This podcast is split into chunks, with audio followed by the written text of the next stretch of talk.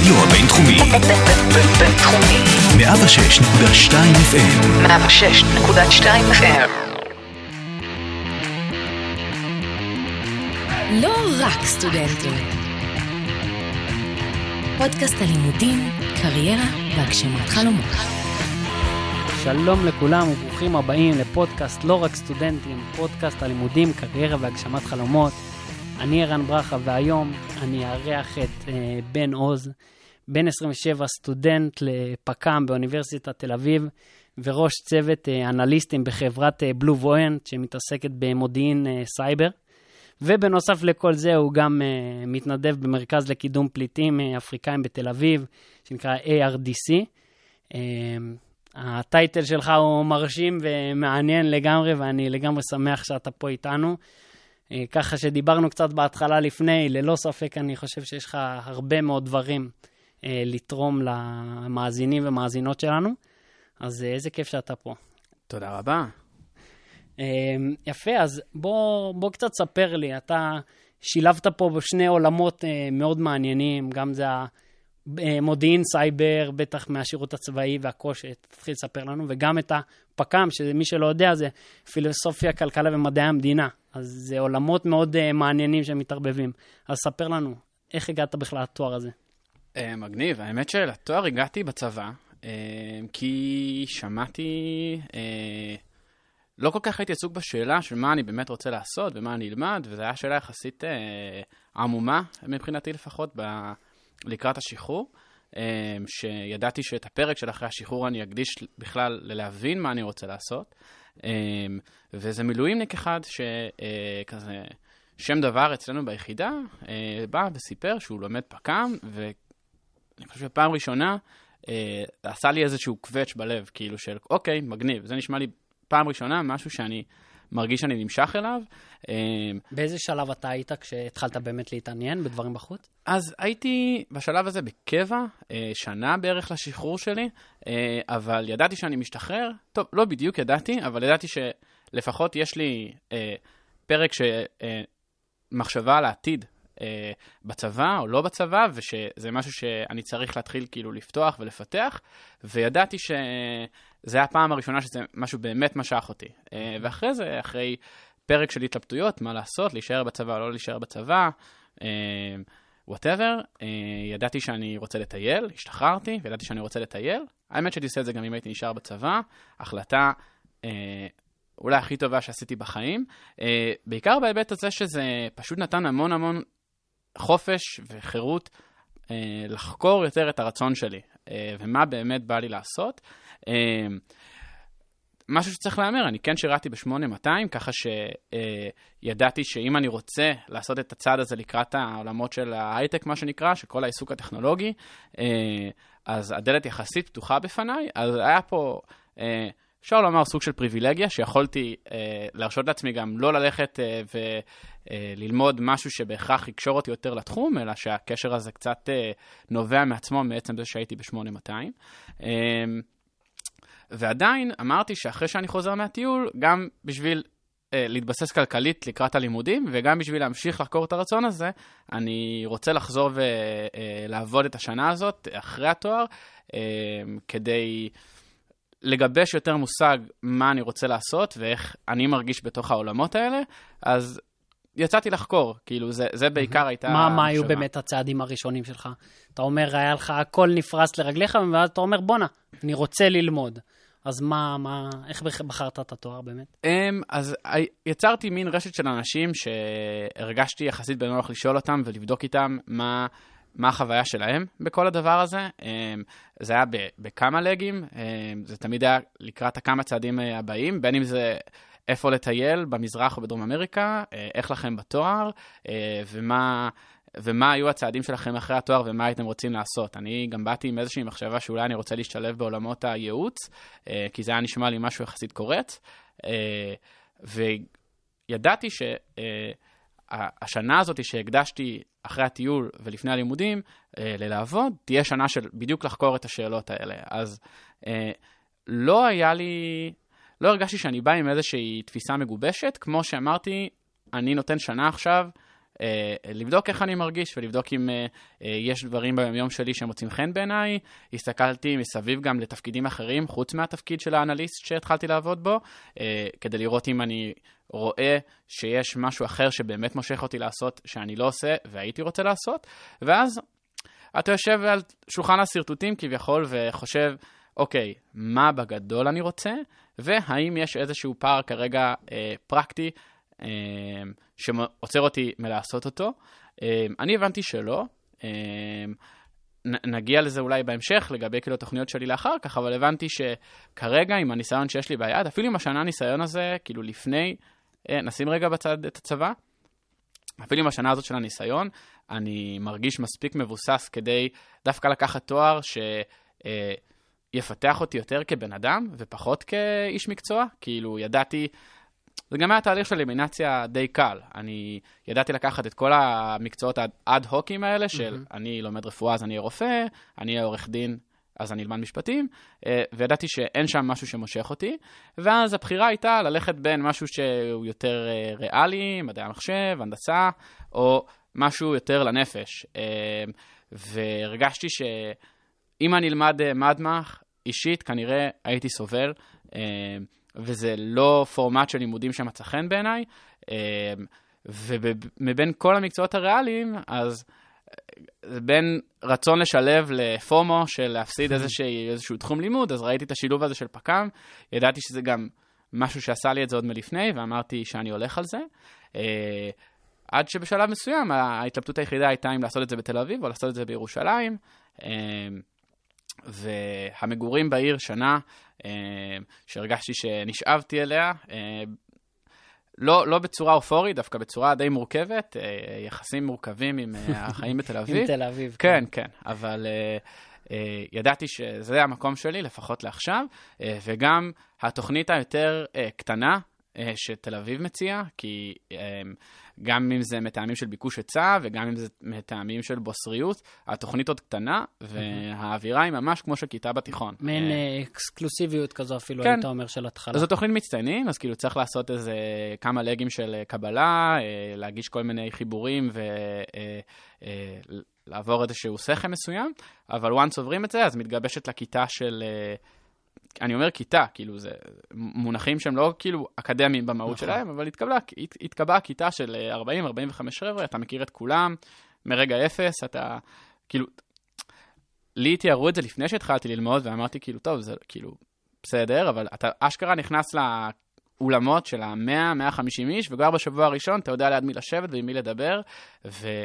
אה, צריך להגיד שזה משהו מאוד לא טריוויאלי בעולם האוניברסיטאי. חד משמעית, חד משמעית. לרוב אוניברסיטאות באמת אתה יכול לראות עם המחזור שלך, מחזור כאילו שנת לימוד שלך, כן. שהתחלת, יכול להיות 100 ומשהו וצפונה. נכון. אמ, ושוב, אני לא ידעתי להעריך את זה לפני שהתחלתי ללמוד, כי מבחינתי זה היה כזה, טוב, בסדר, אני אסדר, יהיו לי את החברים שלי וזה, אבל פתאום, כשאתה נכנס לאולם הענק הזה, ואתה מסתכל מסביב ואתה רואה שיש את הפרצופים האלה, אתה פתאום מבין את הערך הגדול שיש לזה. כן. אמ, וגם תחושה של קולגיאליות כזה, משתפים דברים, אפס תחושת תחרות, אה, כולם באווירה טובה, מסיבות, כיף, עניינים. אמ, פשוט לא חוויה טריוויאלית של תואר, וידעתי ש... הביחד הזה אה, הוא משהו שאני לא אמצא בהרבה מקומות, ולי אישית זה מאוד מאוד מתאים. כאילו, זה גם עניין של סגנון. מעבר ל... לאקסטרה value שאתה רצית לצבור כאדם, חשוב להגיד גם שהמאזינים והמאזינות שלנו ידעו, ומי שלא מכיר את התואר פק"ם, למעשה הוא מורכב משלושה תארים או שלושה עולמות תוכן אה, שונים, שאם זה פילוסופיה, או אם זה כלכלה, ואם זה מדעי המדינה, וזה תואר אה, לכשעצמו שמאוד אה, אה, נחשב, ובאמת אה, מביא עולמות תוכן אה, מאוד אה, רחבים.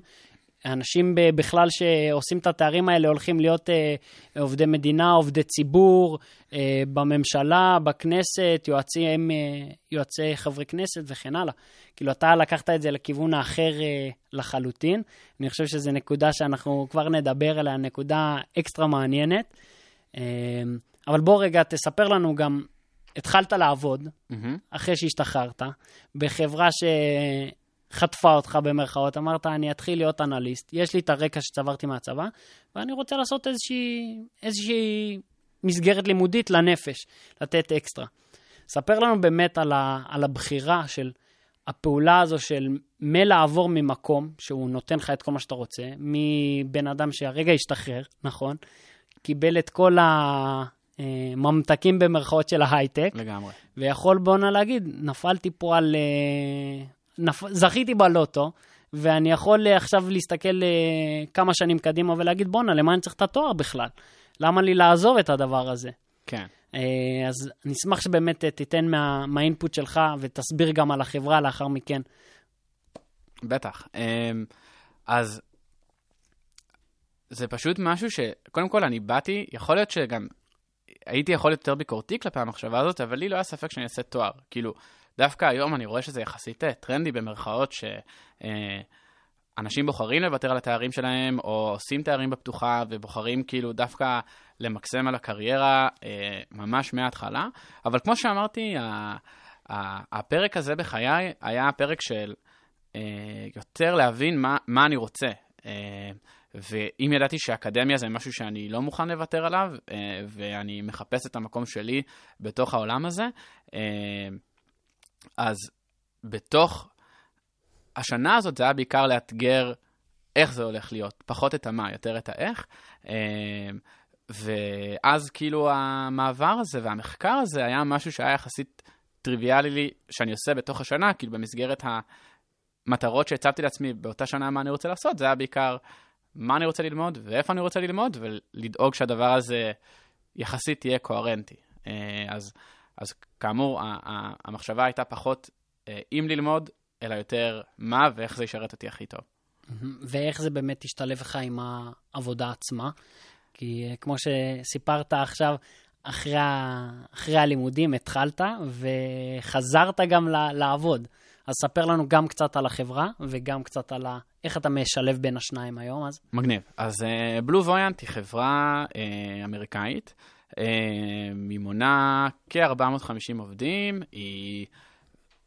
חברה ארבע... התחילה כחברת סטארט-אפ. כן, מן, שפשוט כזה מזגה כמה חברות uh, ביחד, uh, והתחילה, אם אני לא טועה, באזור ה-50 uh, חבר'ה בתור uh, התחלה, אחרי המיזוג הזה, והיום היא בת ארבע וקצת, uh, וכבר מונה כ-450 איש, uh, מתוכם סניף uh, שפועל בישראל uh, של כמעט 60 חבר'ה, אנחנו ממש נראה לי בימים האחרונים הגענו ל-60. Uh, שהיא מציעה פתרונות cyber security מקצה לקצה, כל מיני סוגים ומשמעויות של הדבר הזה. בארץ פשוט קו אחד של מוצרים פועל כולו בארץ, על כל המשתמע, גם ברמת הניהול, גם ברמת הפיתוח של כל הדבר הזה, הניהול מוצר, הכל הכל הכל מתרכז בארץ ומתפעל את כל הקו העסקי הזה, שזה מה שאנחנו יותר באזורים של להגן בצורה חיצונית על הנכסים של הלקוח, כאילו מישהו מבחוץ מסתכל עליו ורוצה לראות אה, מה מאיים עליו ולנסות לסכל את האיומים האלה. אם, אם ממש mm-hmm. כאילו אה, נפשט את זה ולא נלאה במונחים באנגלית אה, שיעצבנו את כולם. אה, וזהו, אז המטרה היא פשוט לקחת לקוח, להבין מה יכול לאיים עליו, לזהות את כל האיומים האלה, אה, ולהראות את זה טוב טוב לאיזה מוצר, דוח התראה שמגיע אליו, אה, ובסוף כאילו מגן עליו. אה, וזהו, זו החברה בגדול. עבדתי בה שנה, וידעתי שאני הולך ללמוד, גם הם ידעו שאני הולך ללמוד, והאמת שכאילו... הפרק הזה לא הסתיים בהצלחה מסחררת. לא היה תקני סטודנט ב, באוקטובר הזה, אז היינו גל של סטודנטים ששחררו את כולנו, והייתי צריך רגע, במסגרת זה שאני בכלל מתאפס על התואר, גם להתאפס על עבודה ומה אני רוצה לעשות. משם התגלגלתי למשרה הראשונה שלי כסטודנט, באיזשהו פרויקט קטן, שעבור לקוח מסוים עשה מודיעין מבוסס רשתות חברתיות. עם אוריינטציה פוליטית מסוימת, לא עם איזשהו אינטרס פוליטי, uh, uh, bad guys שרוצים uh, לחבל בעולם, יותר כמו uh, לתת אספקט יותר מעניין של החדשות, שבעזרת uh, כלים קצת יותר מתקדמים של uh, עיבוד מידע של רשתות חברתיות, אפשר להנגיש, וזה לא משהו שכל כך אפשר להבין מהחדשות או מסקירה כזה של משתמש קצה כן. של הרשתות החברתיות. בגדול cyber security, אני גם מפשט את זה למאזינים והמאזינות. תחשבו על זה סייבר מתעסק למעשה בפריצה עצמה, או ביכולת לגשת למקום מסוים, ו cyber security מתעסק ביכולת אה, להודיע לפני ולהתריע אם הם מנסים לעשות את הפעולה הזו עלינו. ולמעשה השירות שהחברה שלך עושה זה לדעת לתת את המודיעין הזה, או את ה... באמת את התובנות ללקוחות שירצו לפרוץ אליהם, אם זה בנקים, אם זה לקוחות ענקיים וכן הלאה. לגמרי. כאילו, הסייבר הוא, הוא פשוט מרחב. והרבה מאוד מהנכסים והמידע והנכסים הפיננסיים שלנו אה, מאופסנים במרחב הזה, אה, והמרחב הזה הוא מרחב שדורש אבטחה. כאילו, אם פעם אבטחה הייתה במובן הפיזי של הדברים, כן. ולשים מאבטחים ולדאוג שאף אחד לא יפרוץ לכספת, אז כאילו, אף אחד מאיתנו לא מחזיק היום בכספת אה, ששם כל הכסף שלו מאופסן, אלא באפליקציה שיש שם מספרים, ולא בערימת שטרות שהיא שמורה איפשהו, ואז כל הקונספט הזה של אבטחה, אה, הוא מותאם יותר למרחב שבו הדברים דורשים אליהם אבטחה. עכשיו, אה, אה, זה, אנחנו... זה גם לא רק החלק הכספי, זה גם העניין של המידע שיש על בטח. לקוחות ודברים כאלה. בטח, ש- שגם הוא אפשר לתרגם אותו לכסף. נכון. אנחנו ספציפית, החברה יותר אה, בעולם הבנקאי. כן. הבנתי. אה, מעולה, אז בוא ככה, ספר לנו איך משם התקדמת. אתה כבר אה, שנה שלישית, תואר משלוש שנים. ספר לנו אז במהלך התואר, איך באמת הצלחת לשלב? הרי אתה היום ראש צוות של אנליסטים, ולעשות את זה עם תואר שהוא כל כך רחב וכל כך, אה, נקרא לזה, אה, מעשיר בידע ודורשני, איך באמת משלבים את זה? אני מחפש פה עבור המאזינים והמאזינות שלנו איזשהו טיפ פרקטי שבאמת הוא יגיד, בואנה, היום שמעתי את הדבר הזה בפודקאסט וזה משהו שאני רוצה ליישם היום על החיים שלי. מגניב. Um, אני חושב שזה בעיקר uh, קצת תיאום ציפיות עם עצמך. אני הרגשתי שיש uh, שלושה תחומים שהחיים שלי uh, יסובו סביבם, שזה הלימודים, העבודה והחיים האישיים, לא יודע, חברים, זוגיות, אפילו לטפל בבית, אני יודע מה, לנקות. כמו שאנחנו אומרים בפודקאסט, אה, לימודים, קריירה והגשמת חלומות. אז הגשמת חלומות, אה, בטח, לגמרי. אה, ושבסוף, בסוף, יש אה, זמן ממש מוגבל, ואי אפשר לסיים את ה... אי אפשר למקסם על השלושה תחומים האלה ולהישאר שפוי בסוף.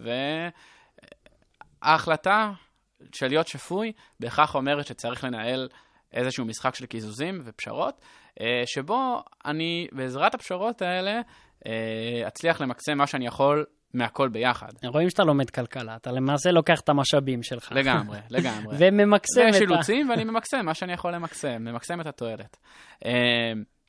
אבל, אבל זה ממש ככה, אה, ואם כאילו נוריד את זה רגע לפרקטיקה, אה, זה אומר אה, ממש לדעת ולהגדיר, גם מול עצמי, גם מול מי שאני מחויב אליו בעבודה לצורך העניין, כמה אני עובד ובאיזה מסגרות זמן. אני הרגשתי פרקטית שאם אני מתחייב ללוז שבו הדברים מעורבבים לי מדי, אז המשחק הזה של לעבור מה mindset של לימודים ל mindset של עבודה, מבלבל. מבלבל, והוא כאילו בא ממש עם כאילו עלות מאוד מאוד גבוהה, וחבל. אז מול העבודה הגדרתי בימי, אם אני לא, אם אני לא טועה, זה היה ימי אה, שלישי וימי חמישי, אני כולי שלכם, בין לבין, לגלוש קצת לסוף השבוע, אני גם ידעתי, אני מתחייב לפחות לשבועות של שישה ימי עבודה ולא חמישה, כי אני צריך קצת... אה, זה גם לקוחות אה, בינלאומיים, זה בכלל עוד יום אחר בשבוע שעובדים מולם. כן, ובלת"מים ואירועים מתפרצים, ו... וידעתי שאני צריך לקחת את ה buffer הזה של עוד יום, שאם, אה, כאילו, אם סטודנט מן המניין שהוא full time סטודנט, גם הוא נראה לי לא מצליח אה, אה, לתחום את זה בחמישה ימים, אז ידעתי שגם בציפיות מול עצמי, יום שבת הוא יום עבודה לכל דבר. אה, ובהתאם למה שאני צריך, זה יהיה לי כמו buffer כזה שאני אמלא אותו, כי אה, יש מעט מאוד שגרה. אה, גם כשמשלבים, ובכללי בחיים הסטודנטיאליים, יש איזה שבוע, שבועיים שאתה אומר, אה, אוקיי, בסדר, נראה לי שעליתי על זה, ואז מטלה פה, ואז איזה אירוע מתפרץ בעבודה, וכשזה קורה בכמה פיקים במקביל, אתה פתאום אומר, אוקיי, כל הרעיון הזה של שגרה ושאני אתנהל, הוא אפשר לשכוח מזה. לגמרי, הוא לא, לא מחזיק מים. אנחנו מנהלים משברים, בדיוק. מעבודה לעבודה, בדיוק, ממטלה בדיוק, למטלה. הלאה. בדיוק, אה, ממש ככה.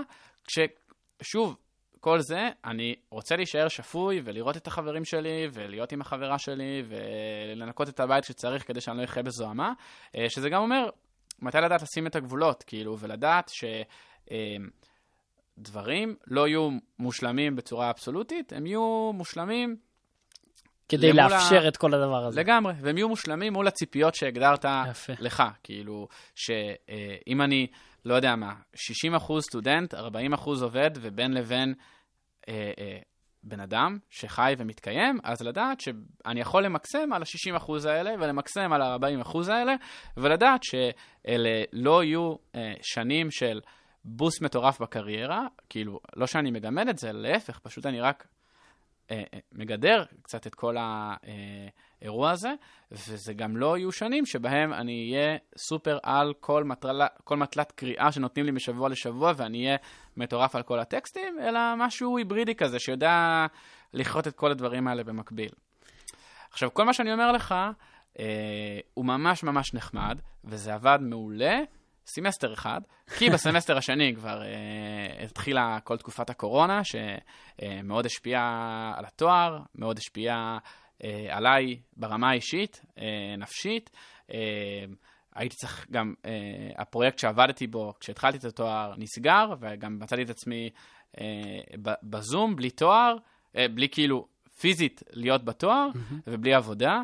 אה, או שאמרתי את זה כבר, אבל בסדר.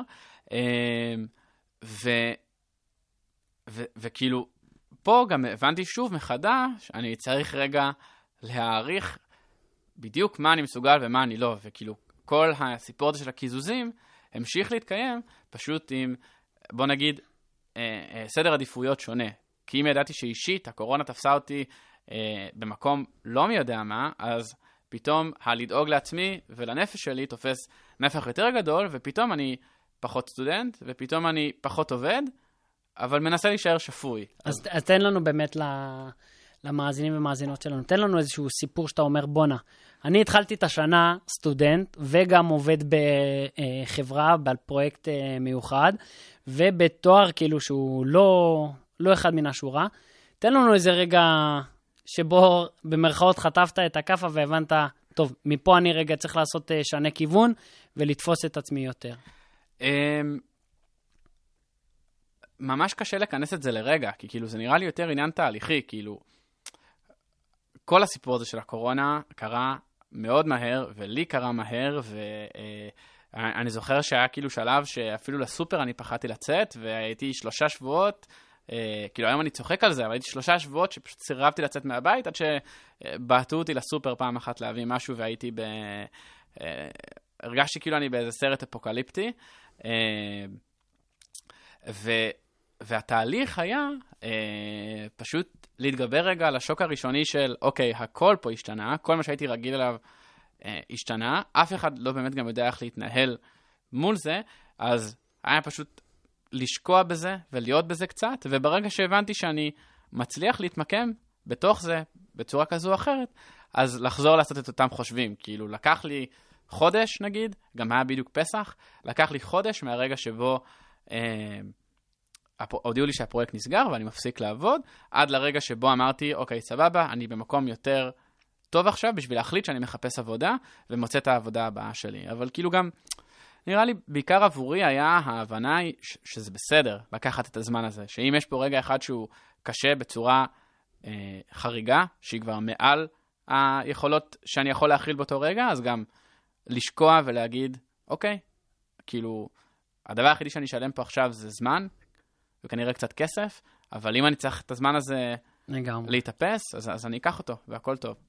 אני חושב שנתייחס גם לדברים שאמרת, בעיניי זו נקודה פשוט אה, מרתקת, ואנחנו יכולים ללמוד ממנה מלא על הנקודה של אה, מצוינות. כי כשאנחנו, כל אחד אוהב להגיד על עצמו, אני פרפקציוניסט, יש איזה משהו שחשוב לי לעשות אותו הכי טוב בעולם. אז לפעמים זה יכול לתפוס אותנו על איזה מטלה, שאנחנו אומרים, בואנה, אני חייב לתקתק אותה ועד הסוף וטה-טה-טה, ומטלה שבגדול היינו יכולים לעשות אותה גם בשעה, אנחנו יכולים לבזבז עליה גם שלוש שעות. אבל כשאתה רוצה להכניס מלא דברים לחיים שלך ולעשות עוד מלא ולשלב בין הדברים, אז לפעמים באמת ה- ה- הניהול משאבים הזה, הניהול משאבים של הזמן והקשב שלך, הוא יבוא לידי ביטוי בלהבין שזה בסדר על המטלה הספציפית הזאת, לא לעשות אותה פחות טוב, אלא במרכאות לעשות אותה פחות מצוין, אוקיי? ואז באמת להגיד, אוקיי, אני יודע שמה שאני עושה עכשיו, במקום אה, לקרוע את עצמי ולהתבחבש על הדברים הקטנים, זה המצוין שלי לנקודת זמן הנוכחית. לגמרי. כי אה, הפרפקציוניזם הזה לפעמים הוא דבר מעכב, ואני רואה המון אנשים, ואני שומע שלפעמים זה איזה טאג כזה שאנחנו סוחבים אותו עלינו בגאווה, ופרפקציוניזם, ואני עושה ככה וככה וככה.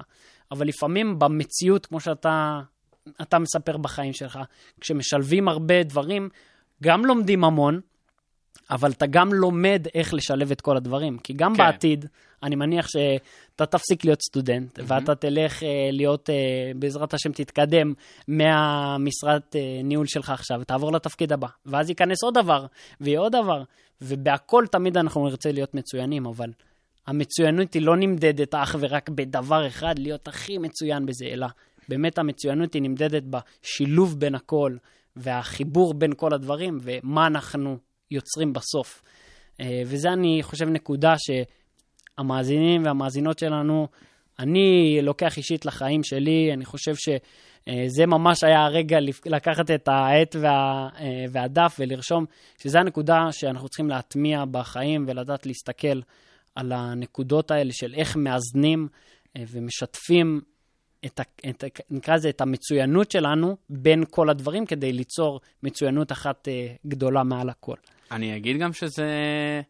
בסוף זה גם מורכב, כאילו גם את זה קשה לעשות מושלם, כי אם אני... חד משמעית. אם אני אה, מבין שיש קורס שוואלה, לא הקורס שהשקעתי בו הכי הרבה בעולם, אה, ואז אני מקבל כזה, אצלנו לפחות, אה, שבוע, שבועיים אחרי תקופת מבחנים, כל יום בשעה שמונה יש דפיקות לב, כי אתה אמור לקבל ציונים באפליקציה, אה, ואז אתה פותח את הציון, ואתה רואה ציון שהוא תכלס בינוני, ואז אתה מתבאס, כי אתה פתאום באותו רגע, אתה כן, שוכח אתה- מכל האיזונים האלה כן, וזה, בדיוק. ואתה מתחבר דווקא יותר ל...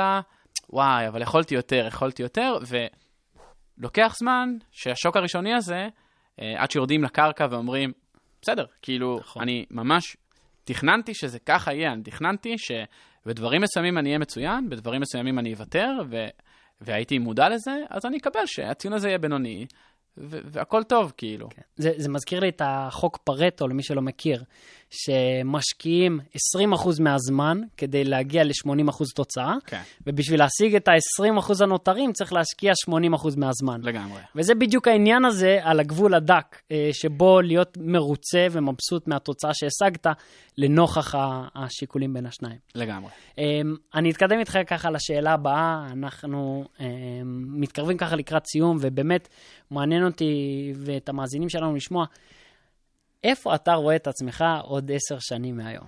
אה, וואו, שאלה ממש טובה, ואני אענה את התשובה הכי כנה שאני יכול. דוך. אין לי מושג. אה, זו, זו התשובה שלי.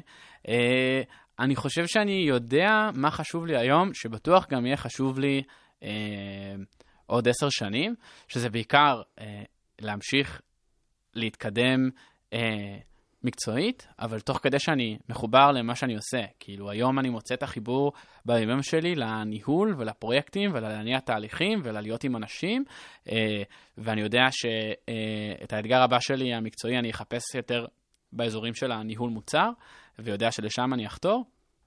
אז בכותרות כלליות, אני רוצה להיות מנהל מוצר של אה, אה, מוצר שאני מחובר אליו ומה שהוא עושה, בשאיפה שגם יעשה את העולם הזה עולם קצת יותר טוב.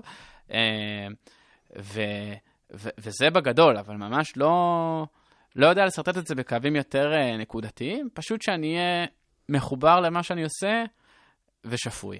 ו... זה, זה חשוב, כן, חשוב. העבודה בהייטק אה, שוחקת, אתה צריך לשמור על זה גם כן, כן. כן. אני גם לא, לא מאמין שזה כל כך משהו שיודע לעמוד ב, בטווח הארוך, כאילו, אני, אני, אני חושב שה... הש... להנחיל את השפיות הזאת כבר מעכשיו ולא לשחוק את עצמי ולא להרוג את עצמי ולא להיכנס לאפיזודות של אה, עליות וירידות שהן קיצוניות, אה, היא, היא, היא יותר כאילו בריאה בארוך טווח, שאני אוכל לעשות את זה שנים ולהמשיך להתקדם שנים. אה, חלילה לא אומר תזרקו, חלילה לא אומר תעשו שכונה, יותר אומר אפשר לעשות דברים גם בצורה יותר מאוזנת ו... ונכונה, כי, כי, כי לא יודע מה, אנחנו רואים איך אנשים אה, נגמרים יותר מהר ממה שהם חושבים וגומרים את הסוס מוקדם כי, כי הם עבדו קשה מדי, או נכון. שהם איבדו עניין במה שהם עושים, ו... אה, כי פשוט הם היו בזה כל כך הרבה, שכבר זה נאבד, וחבל. אתה רואה את עצמך באמת משלב את התכנים שאתה לומד היום בלימודים, עוד עשר שנים כתחום שאתה רוצה להיכנס אליו? אז אני חושב שהפינטק זה עולם שאישית אותי מאוד מעניין. רואים איך שהעולם הפיננסי הוא עולם שיחסית מבוסס על אה, אה, תודעה ארגונית, אה, אה, יחסית יותר מיו- מיושנת, כאילו ממש עולם ישן, אה, כל העולם הפיננסי, ושעושים המון המון המון צעדים אה, לכיוונים היותר אה, טקיים, וכן הייתי רוצה לקחת את זה לשם, אה, אבל אני גם אסייג ואני אגיד ש... אה, אני לא חושב שמי שלומד כלכלה תואר ראשון הוא איזה כלכלן גדול, אלא בעיקר מסגל לעצמו כלים של איך לחשוב, ואלה בעיקר הדברים שאני מרגיש שאני לוקח איתי מהתואר. את הצורת מחשבה הזאת, כאילו, הנה, אפילו אמרת שאתה מרגיש את זה מאיך שאני מדבר, כי, נכון. כי, כי זה כבר נטמע, אה, בין אם זה אה, בפילוסופיה, בין אם זה בכלכלה, בין אם היישומים של זה במדעי המדינה. אה, בסוף, מבחינה גם רעיונית, פק"ם כרעיון, הכל נשען על אותה צורת מחשבה ועל אותו בסיס רעיוני, שאני מרגיש ש, שזה הדבר שאני לוקח איתי. אז בין אם אני אעבוד באזורי הפינטק ובין אם לא, אני יודע שברמת הסל הכלים המחשבתי, שאני כבר צובר איתי עכשיו לאורך התואר, אז אני יודע שזה ימשיך איתי. בוודאות. הבנתי. כן. טוב, יש ככה שאלה בטח. אחרונה לקראת uh, הסוף. אתם אוהבים לשאול את המאזינים שלנו, בתור uh, מישהו שהוא ככה uh, בחור רציני, תן לנו איזה המלצה על איזה ספר שאתה חושב שהמאזינים והמאזינות שלנו ישמחו לקרוא. מגניב. Um, אני לא קורא גדול, um, פחות מה שאני עושה, אבל אני אגיד שהפעם הראשונה שניגשתי לספר פילוסופיה הייתה כי שמעתי איזושהי הרצאה ממישהו בצבא, um, והוא דיבר קצת פילוסופיה, כאילו, אז זה היה נראה לי כמו משהו מטורף, והיום אני יודע שזה היה בקורס אה, מבוא הראשון שלמדתי בו, אבל גם כשזה בא ממישהו שסתם עשה את זה להנאתו, זה היה ממש מרשים, וידעתי שגם שם נדלקו לי כאילו, אה, אה, נפתחו לי העיניים לכל התחום הזה, ואמרתי לו פעם, על איזה תחום זה היה? הפילוסופיה כזה קצת יותר מחשבות גדולות כאלה, העולם אוקיי. כזה, אה, לא איזה תחום ספציפי, ואמרתי לו, תגיד, אם אני רוצה להתחיל לקרוא פילוסופיה, כי זה נראה לי מגניב, איפה להתחיל?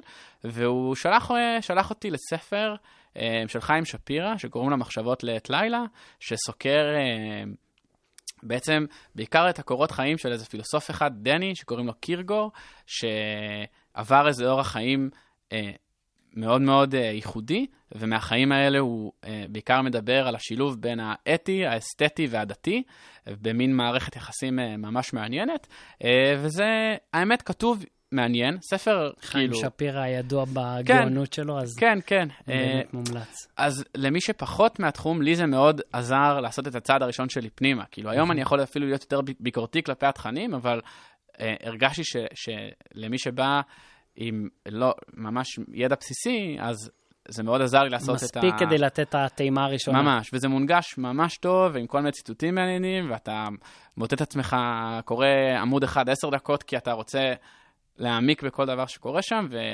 וממש לא קראתי המון ספרים בשנים האחרונות, הראש שלי כנראה היה בהרבה מקומות אחרים, אה, אבל זה ממש ספר שתפס אותי, והיה לי, אה, קיבלתי ממנו כאילו הרבה ערך לקראת גם הלאה. מדהים. טוב, אני האמת אה, יכול אה, להישאר ולדבר איתך פה עוד אה, שעות, ואנחנו ככה נאלצים לסיים, אבל אני באמת רוצה להגיד תודה רבה. בשמחה. אני חושב שנתת פה ערך מדהים למאזינים ולמאזינות שלנו, על הדרך שעברת, על ההחלטות שקיבלת במהלכה, על איך שאתה משלב את הדברים, על העבודה שלך שהיא בתחום... אה, אה, בוא נגיד שהוא לא נגלה לכולנו, והוא זה משהו שהוא נחשף כזה אפילו, ודווקא בחרת לשלב בתואר שהוא, הייתי אומר אפילו הצד השני לחלוטין, שהוא הומני בכלל, וזה משהו שהוא, זה סיפור מבט, באמת באמת מדהים. אה, אז שוב פעם, תודה רבה. בשמחה, ואני תודה לך. רוצה להגיד אה, תודה רבה גם לצוות שלנו, ליקיר אלעזרי, לנתנאל גולדפדר ולנועה מישל ג'ירו. אה, ואני מזמין אתכם גם כן, אה, אם שמעתם משהו שאהבתם בפרק הזה, ואם לקחתם משהו שאתם חושבים שחבר שלכם ישמח, או חברה שלכם תשמח לשמוע וללמוד ממנו, אה, תשתפו. תעבירו ותפיצו את הערך שאנחנו נותנים, כי אנחנו באמת משתדלים להביא לכם פה אנשים מעניינים כמו בן. וזהו, אנחנו מסיימים עכשיו, אז תודה רבה. אני הייתי ערן ברכה, נתראה בפרק הבא. תודה רבה.